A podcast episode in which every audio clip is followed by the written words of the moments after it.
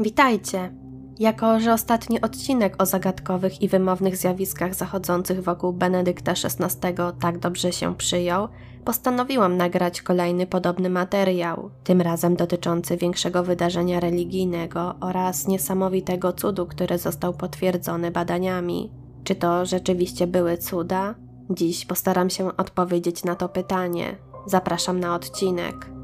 Zacznijmy od jednego z największych zjawisk uznawanych przez Kościół rzymskokatolicki jako cud, a mowa tu o tańcu słońca, które miało towarzyszyć objawieniom Matki Bożej w Fatimie 13 października 1917 roku.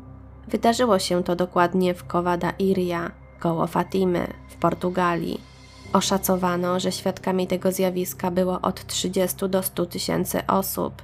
Wśród nich, prócz prostych ludzi, znajdowali się sceptyczni naukowcy, niewierzący i dziennikarze. Wszyscy mieli ujrzeć na niebie nienaturalną aktywność słońca. Najpierw pojawiły się ciemne chmury, z których spadł ulewny deszcz, a następnie pokazało się słońce, które zaczęło dosłownie wirować i przemieszczać się po niebie. Rzucało też kolorowe światło. Przez moment wyglądało, jakby w szybkim tempie zbliżało się do ziemi i miało na nią wpaść. Jednak potem ku uldze zebranych wróciło na swoje miejsce. Widowisko trwało około 10 minut. Świadkowie krzyczeli z przerażenia, płakali, głośno się modlili i spowiadali ze swoich grzechów. Niektórzy byli przekonani, że to koniec świata. Co ciekawe, w tym czasie ich całkowicie przemoczone ubrania same natychmiast wyschły. Zjawisko tańczącego słońca było widziane także przez świadków oddalonych od tego miejsca nawet o 40 kilometrów. Skąd ludzie wiedzieli z wyprzedzeniem o tym, że coś takiego się wydarzy? Trzy miesiące wcześniej Maryja zapowiedziała dzieciom, którym się objawiła, że właśnie w październiku dokona cudu, który wszyscy zobaczą, by uwierzyli w prawdziwość jej objawień. To miało być już szóste z nich. Praktycznie każde miało miejsce 13 dnia w różnych miesiącach, prócz czwartego, które wydarzyło się dopiero 19 sierpnia. A wszystko przez to, że dzieci zostały uprowadzone przez burmistrza, który groźbą próbował wyciągnąć od nich tajemnicę przekazaną przez Maryję. Dzieci nie złamał, więc zostały odwiezione do domu 15 sierpnia, stąd opóźnienie w objawieniu.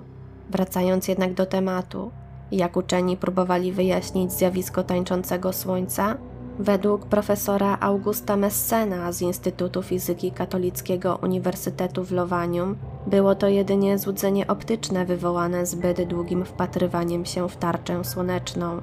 Z kolei zaobserwowanie zmiany koloru słońca mogło być następstwem wybielenia światłoczułych komórek siatkówki oka, Teoria profesora nie pokrywa się z relacjami świadków, według których niebo było najpierw zachmurzone i padał deszcz, więc siłą rzeczy nie wpatrywali się oni przez dłuższy czas w słońce. Potem rozchmurzyło się i jedno z dzieci wizjonerów krzyknęło, by ludzie spojrzeli na słońce, które zaczęło się zmieniać. Nie brzmi to zatem jak długotrwałe wpatrywanie się w tarczę słoneczną, której światło mogłoby wywołać złudzenia optyczne.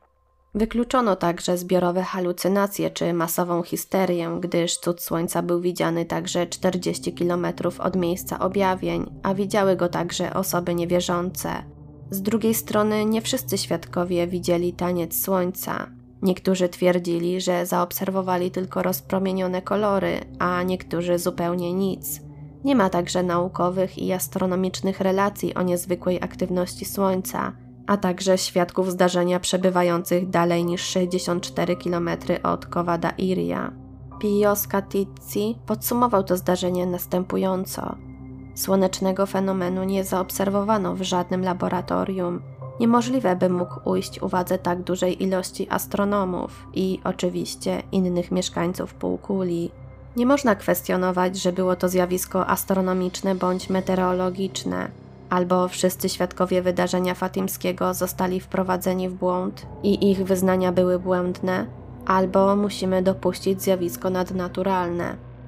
Z kolei Stuart Campbell w 1989 roku postulował, że za zjawisko tańczącego słońca odpowiedzialna była chmura stratosferycznego pyłu, która zniekształciła obraz i sprawiła, że ludzie byli w stanie z łatwością patrzeć w słońce.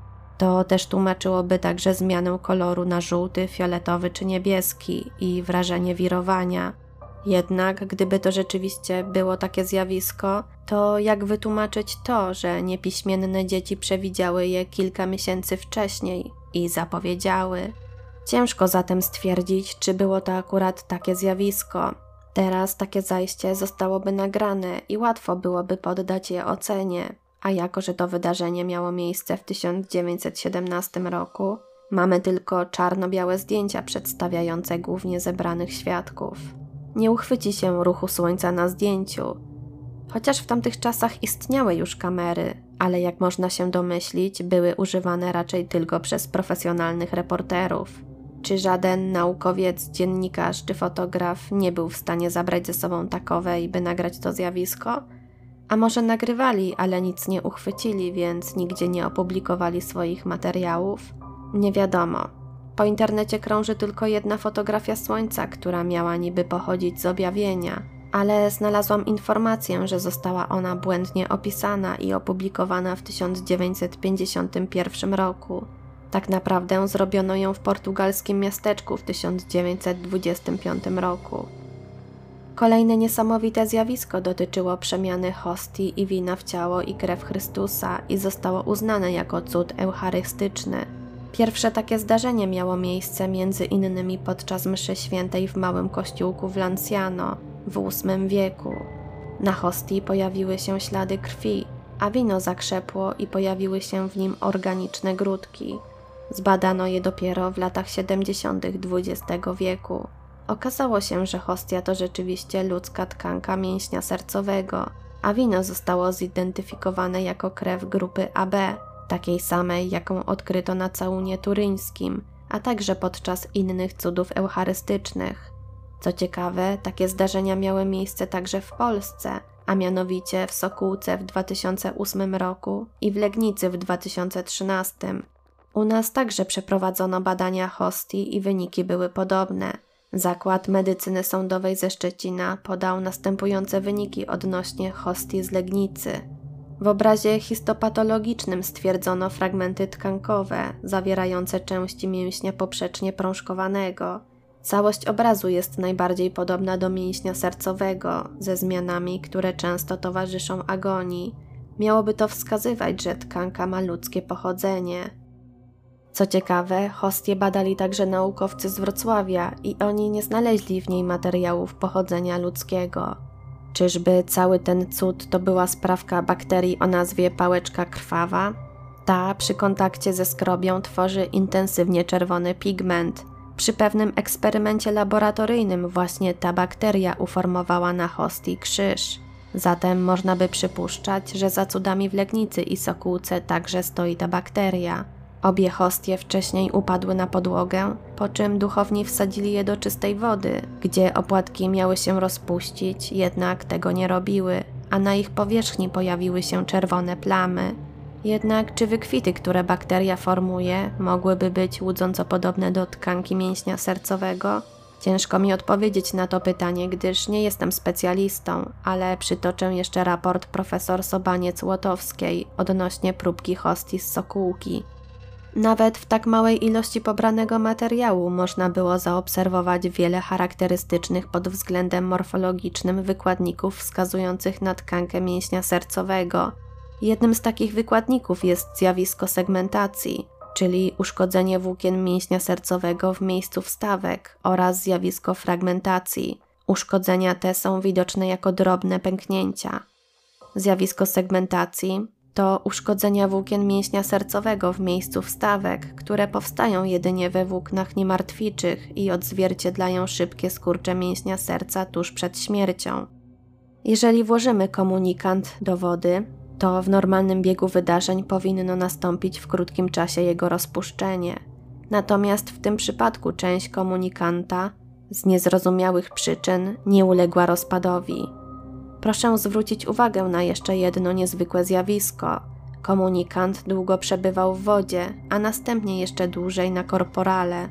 Tkanka, która się pojawiła na komunikancie, powinna więc ulec procesowi autolizy. Badając pobrany materiał, nie stwierdziliśmy takich zmian. Uważam, że na obecnym etapie rozwoju wiedzy nie jesteśmy w stanie wytłumaczyć badanego zjawiska tylko i wyłącznie w oparciu o nauki przyrodnicze.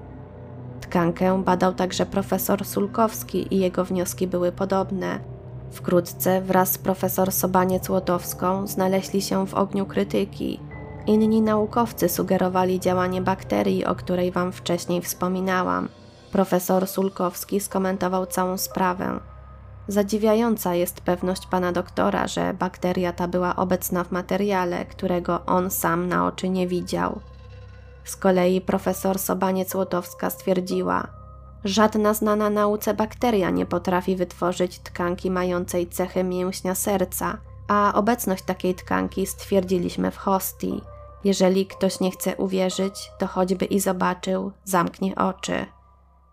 W Sokółce sprawą krwawej hostii zajęła się prokuratura, jako że w kościele mógłby być trzymany fragment ludzkiego ciała, jednak nie stwierdzono, by miało tam dojść do jakiegokolwiek przestępstwa.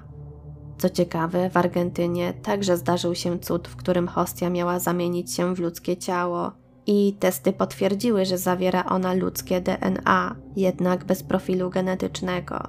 Jak widzicie, pojawiło się w tym temacie wiele kwestii spornych. Czy był to prawdziwy cud, czy jednak bakteria? Patomorfolodzy, którzy badali próbki, są przekonani, że hostia zamieniła się w prawdziwą ludzką tkankę. Jeśli chodzi o cud słońca, to nadal wiele pytań pozostaje bez odpowiedzi. A wy, co sądzicie o tych zdarzeniach? Dajcie znać w komentarzach. Do usłyszenia w kolejnym odcinku.